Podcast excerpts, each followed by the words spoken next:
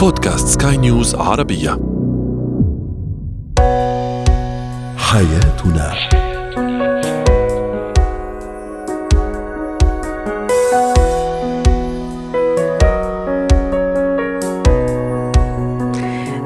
الكرام أهلا بكم معنا إلى حياتنا. فضاؤكم اليومي الذي يعنى بشؤون الأسرة وباقي الشؤون الحياتية الأخرى والذي يمكنكم الاستماع إليه عبر منصة سكاي نيوز عربيه dot com slash podcast وباقي منصات سكاي نيوز العربية الأخرى. شاركونا عبر رقم الواتساب 00971 561 88 6223 معي أنا أمال شاب. اليوم نتحدث عن أهمية مراعاة مشاعر الشريك والحالة النفسية للشريك وما هي التصرفات التي قد تؤذي الشريك. أيضا سنتحدث عن كيفية التعامل مع الطفل قليل التركيز. وأخيرا الحياة ما بعد يوم طويل من العمل وما هي الطقوس والعادات والنشاطات التي يحرص كل واحد منا على القيام بها.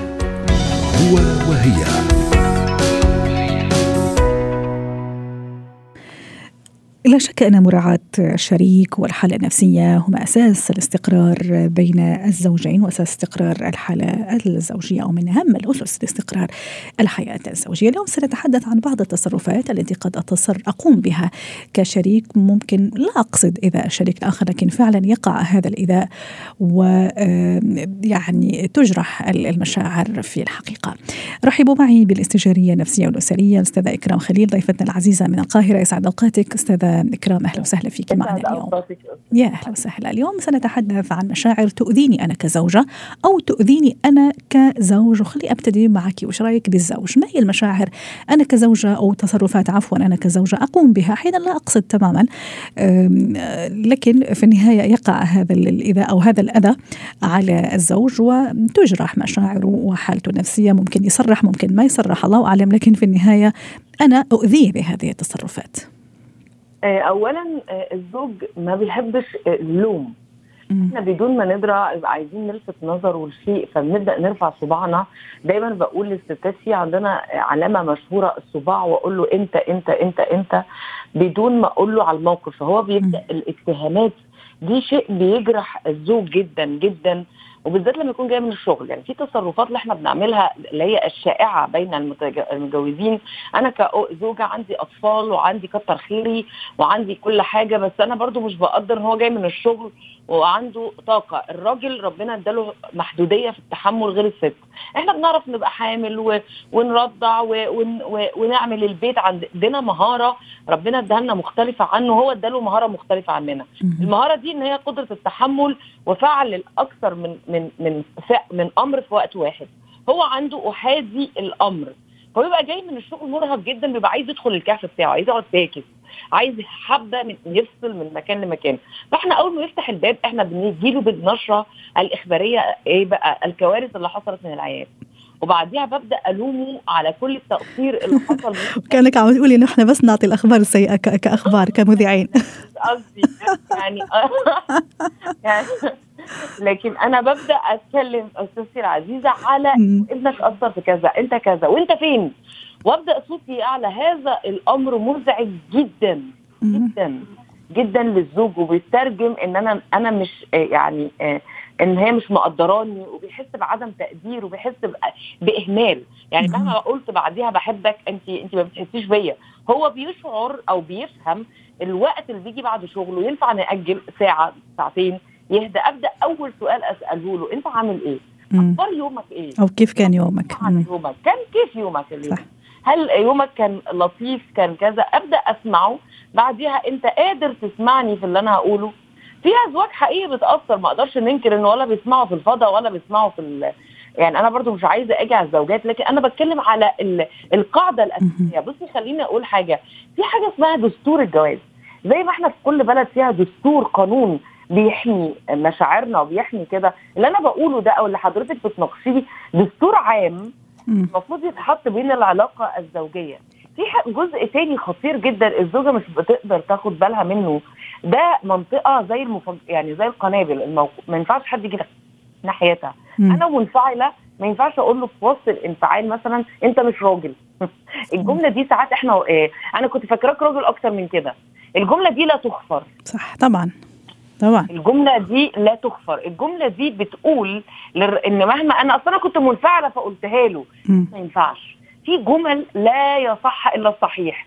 الجمل دي كأني أنا بقول لك دي دستور في حياتي فأنا بحط يعني زي إيه آه، زي حارس على بقي أنا مش. هقولها اذا متفقين لغاية الآن أستاذ إكرام إنه عدم اللوم أه؟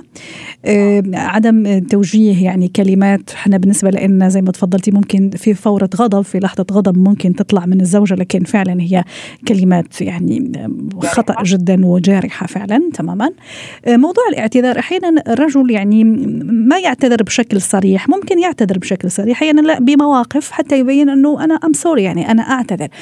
عدم فهمي أو تقبلي لهذا الطريقة اللي أنا أبغاه يعتذر لي بالشكل اللي أنا أحبه لكن هو ممكن يعتذر بطريقته يعني. فعدم أنا تقبلي ولا عدم فهمي لهذا الطريقة هل أيضا تؤذي المشاعر مشاعر الزوج؟ آه طبعا. أنا آه، دايما بقول كل شخص ليه آه، ليه الطريقة بتاعته وأنا لازم أحترمه. عدم آه، تقبلي بيعمل فجوة أكبر.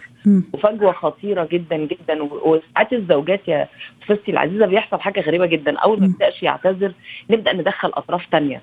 بصي مش راضي يعتذر لي يا مامي. آه. بصي يا بابا أنا مش راضي يعتذر لي. فيبدأ هو يحس بإهانة أكبر وأكتر بتدخل الأطراف الكتيرة عشان أضغط عليه إنه يعتذر لي. وممكن نستحضر مواقف قديمة صار لها كذا سنة. ممكن نجيبها في نفس الموقف. آه أنا بالظبط إن أنا دلوقتي يجي الشخص يجي مضايقني أروح أنا جايبة له إيه؟ مم. التاريخ بتاعه. أنا النهارده بقول ده أخطر حاجة. طيب أنا لو عايزة أكمل جوازتي أنا أو أكمل العلاقة أنا موقف عدى يا ريت نصفيه بجد إحنا مشكلة ما بنصفيهوش فعلا. نصفي الموقف ونقطة وأول السطر. ما يجيش الموقف اللي بعديه أقول له أصل أنت وأنت وأنت وأنت وأنت. بلاش أضغط عليه للاعتذار. أي حاجة تضغط هتجبر الراجل هيعمل عكسها. يعني أنا لو ضغطت عليه عشان يعتذر هيعمل العكس. لو أنا ضغطت عليه عشان يقول لي أنا لازم أديله جزء اسمه الحرية وأجيله من تحت إحنا دايما بنتحدى رجولتهم إحنا بنيجي كستات بنستخدم الطريقة الغلط في الوقت الغلط. لما أقول له لازم تعتذر لي. هقول له كان ممكن أنا بحب قوي أسمع منك كلمة الكلمة دي بتفرق معايا. في فرق من كلمة لازم. صحيح. حبيبي صح. أنا آه. طريقة الأسلوب الطريقة بيفرق كثير ويعمل فرق فرق ساحر إذا إذا صح التعبير. طيب نجي عند المرأة أيضا أحيانا في كلمات في تصرفات في سلوكيات يقوم بها رجل ما يقصد هو بالنسبة له عادي هو يتقبلها كرجل كتركيبته يعني كرجل لكن تلحق الأذى فعلا بنفسية ومشاعر المرأة وممكن حتى تخليها داون ل- لأسبوع ل- لشهر حتى. فهو مش عارف أحيانا مش عارف شو اللي مخليها زعلانة. لكن الحقيقة عمل تصرف وخلاها كذلك ما هي هذا التصرفات؟ بصي في تصرفات ممكن تكون بسيطة جدا بس أنا نفسي أقولها. إن ممكن تبقى هي جاية تشاركه بموقف انها اشترت حاجة أو في موقف مضايقها وبتتكلم بمشاعرها وهو يروح ردد عليها رد عقلاني انت بتشاركيني ليه؟ آه، أو انت مضخمه الأمور ليه مكبرة الأمور ليه مكبرة الأمور ليه؟ وهي بتعيط تقول لها يقول لها كفاية دموع بقى آه، الموضوع سهل إحنا ينفع نحله. هنا عايزة أقول المشاعر يرد عليها بمشاعر الست هي بتعيط وعندها مشاعر هي محتاجة احتواء محتاجة حد يحتويها مش محتاجة حد يديها منطق. أنا عارفة إن عندك الحلول عزيزي الرجل لكن في الوقت ده هي بتقول أنا محتاجة حد يشاركني. إحنا لغتنا في المشاعر مختلفة عن لغة الرجالة. فهي أكتر حاجة بتجرح الست إنه لما تيجي تتكلم عن مشاعر يرد عليها بالعقل. ما بيسمع لهاش عدم الانصات ليها. يعني يجي تيجي تحكي في حاجة انجزي كلمة انجزي أنا مش فاضي انجزي أنا مخنوق وبالذات لما تبقى تقول له أنا متضايقة أصل أنا صاحبتي في الشغل أنا مديري ضايقني. أصل حد ده؟ فبتحكي عن تعبر عن مشاعرها وهو يردها يقول لها إنجزي. طيب. الحاجة ال- ال- التجاهل عدم الاهتمام تبقى لابسة فستان أو أو عاملة حاجة هو ما يقولهاش حلوة ولا وحشة ولا يلاحظ أصلا. فدي بيوصل لها إحساس إن هي مش موجودة. أنا مش موجودة. فده بيجرحها جدا. في مواقف صامتة منه بس هي جارحة للزوجة. المواقف الصامته ال- ال- ال- عدم الاهتمام بما لبست وأكلت عدم الاهتمام بصحتها عدم الانصات ليها هو تقول لها أنا معززها أنا ما بشتمها أنا ما بضربها أنا ما بعمل أيوه. بس صمتك في الوقت اللي هي المفروض تتكلم فيه أو تحتويها فيه ده نوع إيذاء بيسبب ليها إحساس بالوحدة وعدم المشاركة إحساس بإن هي مش معاها حد. الجواز يا جماعة مشاركة. المشاركة مش مادية ولا جنسية فقط. أنا آسفة جدا إن أنا بقول كده. لكن المشاركة هي مشاركة وجدانية. هي ونس. إن أنا بشارك الآخر في فرحته وحزنه. بشاركه في ضيقه. بشاركه في الحاجات اللي بيحبها. مش بشاركه بطريقتي. أنا بشوف إيه الطريقة اللي بتحبها مراتي واعملها هو ده اسمها المشاركة. واضح. شكرا لك أستاذة إكرام خليل ضيفتنا العزيزة الاستشارية النفسية والأسرية ضيفتنا من القاهرة ويسعد أوقاتك. زينة الحياة. اليوم سنتحدث عن الطفل قليل التركيز سواء في البيت أو حتى في المدرسة أيضا وفي الصف الدراسي.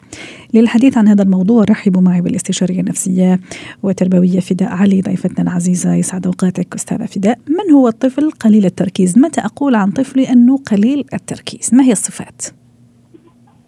يسعد أوقاتكم جميعا. وسهلا. الطفل قليل التركيز على العموم هو الطفل آه، الغير قادر على جمع معلومات آه، بالقدر الكافي أو غير قادر على القيام بالمهمات المطلوبة منه بالشكل الكافي أو بالدقه الكاملة. آه، هو طفل كثير الشرود كثير الحركة ربما ربما لديه قدرات عقليه متدنيه أو ليست بالقدر الكافي أو بالمستوى الكافي ليقوم بهذه المهمات. على العموم هذه الصفات تنطبق على الطفل قليل التركيز. طيب هذا الصفات هل مثلا أنا لازم ألاحظها في سن معينة لأنه مرتبطة بتطورات معينة أيضا أم لا هي غير مرتبطة بصفات قد ما هي ممكن قد تكون آه، رد فعل مثلا؟ التركيز نبدا الانتباه عليه منذ الطفولة الباكرة عندما يبدأ الطفل بداية بالتواصل البصري مع الأشخاص الآخرين. م. التواصل البصري آه، علامة جدا مهمة لمعرفة إن كان هذا الطفل يتواصل معي ام أم لا. آه دلالة مهمة جدا لتركيز هذا الطفل وبعدها من الممكن أن نلاحظ سلوكيات هذا الطفل في عمر مبكر حتى قبل الخمس سنوات. أن عندما هذا الطفل يقوم بمهماته. هل هو يستمع لي آه لما أقوله له؟ آه هل هو قادر على تنفيذ المهمات؟ هل هو آه في تحصيله مثلا الدراسي أو المعلومات التي يجب أن يتعلمها، هل هو قادر على تعلمها أم آه، لا هو هو ليس معي أساسا وأنا أقوم بتعليم هذه المعلومات. طب أستاذ تفضل. من الممكن أن يكون مرتبط آه عدم التركيز وباضطرابات معينة.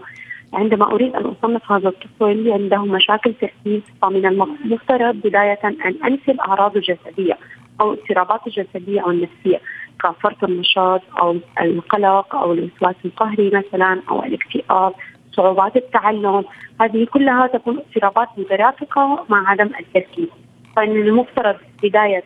نفي هذه الاضطرابات ومن ثم الانتباه لمشكلة التركيز ومعرفة ما أسبابها الحقيقية. رائع. إذا حنا استبعدنا كل هالاضطرابات اللي حضرتك عم تحكي عليها أستاذة فداء كيف أتعامل إذا مع طفلي إذا كان قليل التركيز؟ كلفته مثلا بشيء في البيت ما يعني ما ركز كثير معه وعمل فقط ربع الشيء اللي أنا طلبته.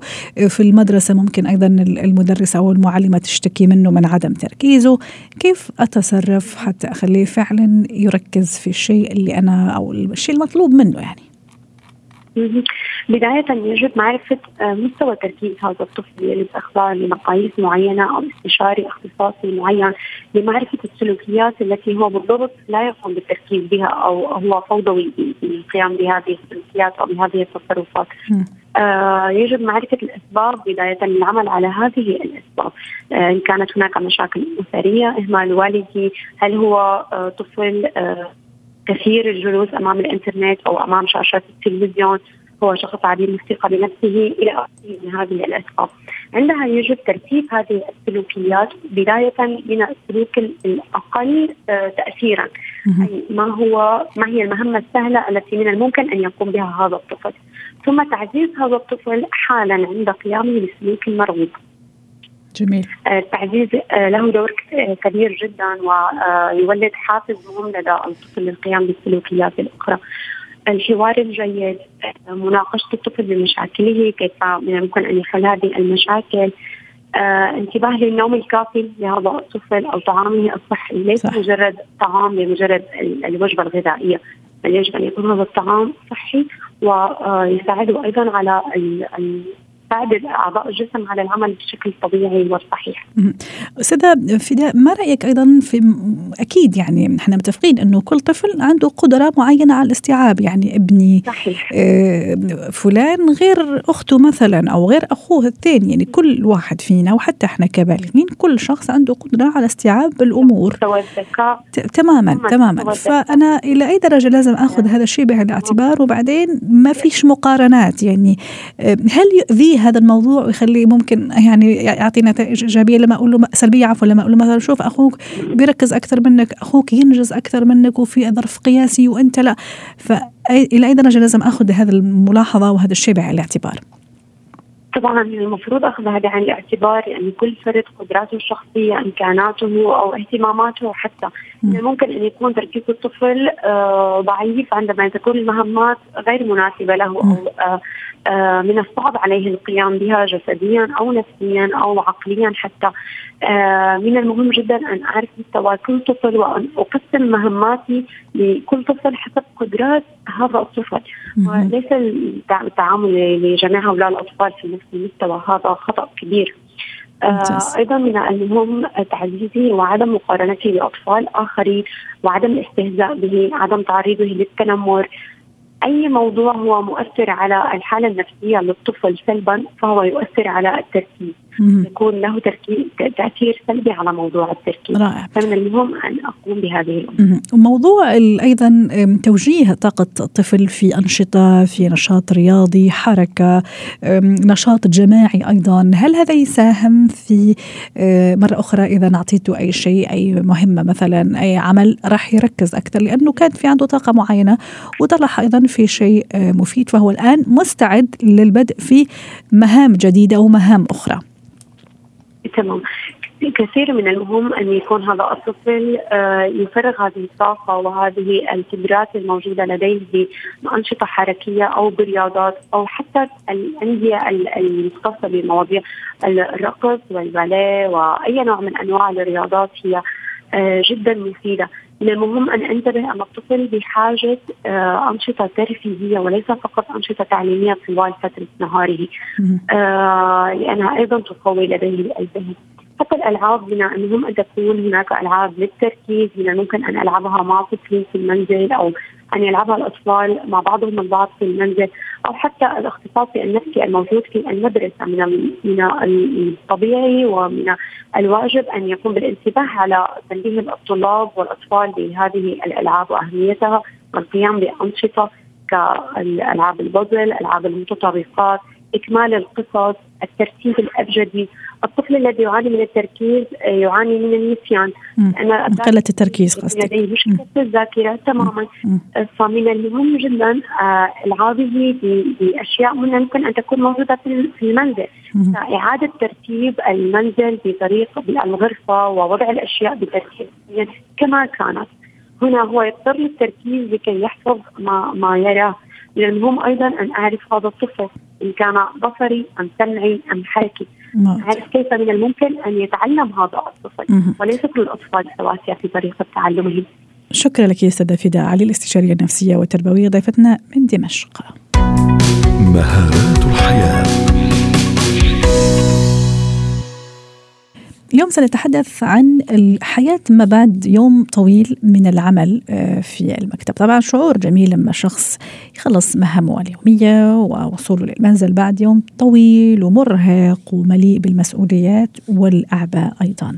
طرحنا سؤال ما هي الطقوس والهوايات والنشاطات التي تحرص على القيام بها بعد يوم طويل من العمل؟ أولا خلوني أرحب ورحبوا معي أيضا بدكتورة سلوى عفيفي مدربة مهارة الحياة. تسعد أوقاتك أستاذة سلوى أهلا وسهلا فيك معنا اليوم.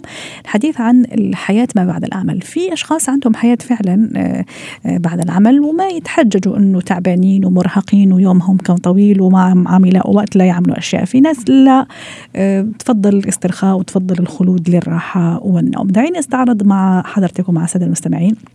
بعض التعليقات. تعليق يقول من بين الطقوس اني أمارس لحظات التأمل. هذا تساعدني كثيرا ويساعدني كثير على آه، إني أتخلص من ضغوطات آه، يومي الطويل. تعليق يقول أترك هاتفي وأقضي أقضي أوقات من غير الهاتف الجوال. هذا أيضا يساعدني من بين طقوسي بعد يوم طويل من العمل. والإيميلات والتليفونات آه، وما إلى ذلك. وتعليق يقول أختار النوم والراحة. أستاذة سلوى كيف أنا بعد يوم طويل ومتعب ومرهق يعني يكون عندي هذا هذا الجهد وهذا الطاقة. إني كمان أمارس هواياتي ونشاطاتي. شو ما كانت هالهوايات وشو ما كانت هذا النشاطات. يسعد أوقاتك أستاذة أهلا وسهلا. آه أنا الحقيقة مع الموضوع ومع الساده المستمعين أيضا اللي شاركوا بآرائهم الحلوة. هو فعلا على فكرة أول ما بندخل البيت يمكن نشحن الموبايل. حتى إحنا أنفسنا محتاجين نشحن ونعيد طاقتنا مرة ثانية ونجدد الطاقة كي نستمر عشان نقدر فعلا إنه نفصل.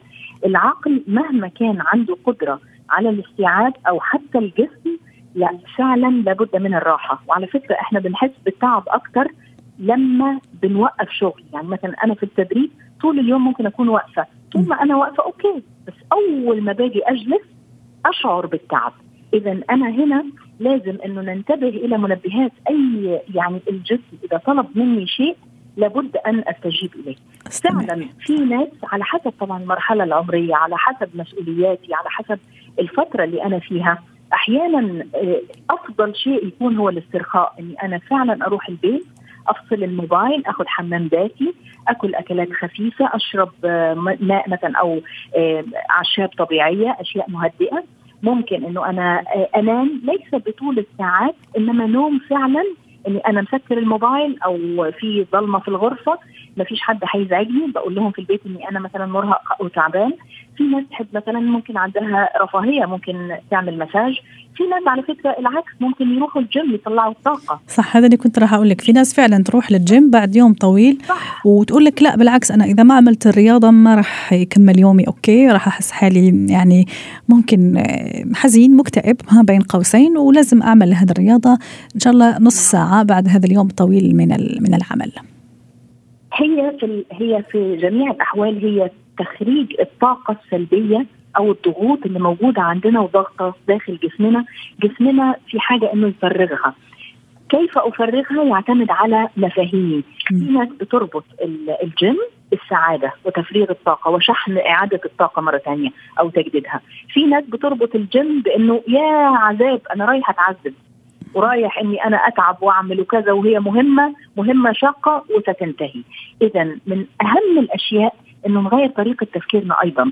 تغيير طريقة التفكير. رائع. طبعا والمفاهيم ونظرتي للأشياء هذه ممكن جدا تساعدني في تغيير سلوكي. الناس اللي بتتعب إذا ما راحتش الجيم لأن هم خلاص اعتادوا إنه الجيم ارتبط بشيء سعيد. مثل مثلا ما نقول الشوكولاتة. الشوكولاتة اعتدنا وإحنا صغار إنها مرتبطة بشيء سعيد أو شيء إيجابي. وفي ناس مثلا تقول لك سامحيني قطعت كلامك في ناس مثلا تقول لك أنا. حتى إني أتعب وأكون مرهق لكن لما أروح للبيت ولاقي أطفالي مثلا يضحكوا أو يستنوني أو يبتسموا هذه عندي أحلى شيء وهون راح يبتدي يومي وتبتدي ساعات أخرى وألعب وامازحهم رغم إني خلاص متعب ومنهك أو منهكة تعبانة بس يعني هذه اللحظات الحلوة. معاكي. لأنه هي دي اللحظات الحلوة. إحنا اللي بنصنع المعاني على فكرة. ممتاز. أنا حابة كنت حابة أوصل معاكي لهذه الفكرة صحيح. شفتي؟ إحنا اللي نصنع المعاني وإحنا إذا غيرنا طريقة تفكيرنا نغير نظرتنا للأمور ونغير سلوكياتنا. والرضا حلو جدا إنه أنا فعلا لما أشوف وجه الطفل اللي بيعطيني الأمل والحياة والهوب والرزق وكل حاجة فيعطيني طاقة. بنسى الدنيا خلاص أنا تأملت واشوف فلازم إنه نفصل خاصة إنه تخيلي مثلا يوم خميس نهاية اليوم وإحنا في البيت وأنا قاعد أفكر في مشكلة حدثت مثلا في الصباح أو في بداية الأسبوع أو في حاجة صح. هتحصل صح. يوم الأحد مثلا أو ورايا. ما الذي أستطيع أن أفعله في هذا ابدا ولا شيء. هي وقت الراحة. 100% أنفسنا طبعا إنه ده وقت الراحة. افصل حاول تعمل حاجة في الويك إند. جدد طاقتك للأسبوع القادم يعني. اقعد مع ناس لذيذة اسمع موسيقى اتفرج على فيلم أو شيء طريف اعمل أي هواية حلوة. آه، فكل الحاجات دي فعلا بتساعدنا إنه فعلا نتخلص من وأنا معك في الفكرة وحبيت كثير وهذه أنا كمان مصطلح أنا كثير أستخدمه اللي هو أفصل إنك فعلا تفصل تماما.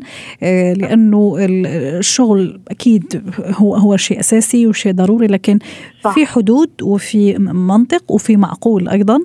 ولكل شيء وقته ولكل شيء يعني أهميته في في الحقيقة. حتى في ناس مثلا لما ممكن تلاقيها طالعة من الشغل أو طالعة من الشغل في وقت مثلا نقول ستة سبعة ما عنده مشكلة ممكن يروح يشرب كوفي مع احد الأصدقاء ما عندها مشكلة تروح أيوة. تشرب كوفي ممكن تروح تتعشى. رغم إنه الوقت ضيق خلص ما بقى لها كثير لا ترجع وتاخذ شاور زي ما تفضلتي ونام. لكن لا هي بتلاقي وقت وبتلاقي وتحب هذا الموضوع.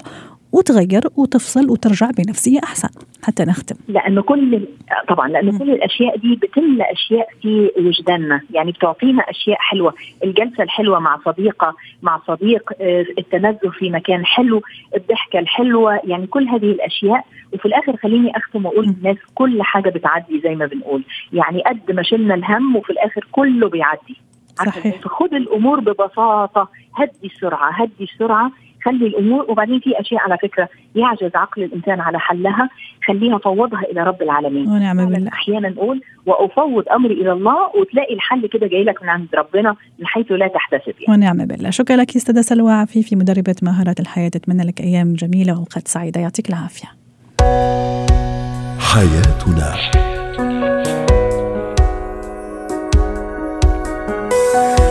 ختام حلقة اليوم من حياتنا. شكرا لكم. وإلى اللقاء.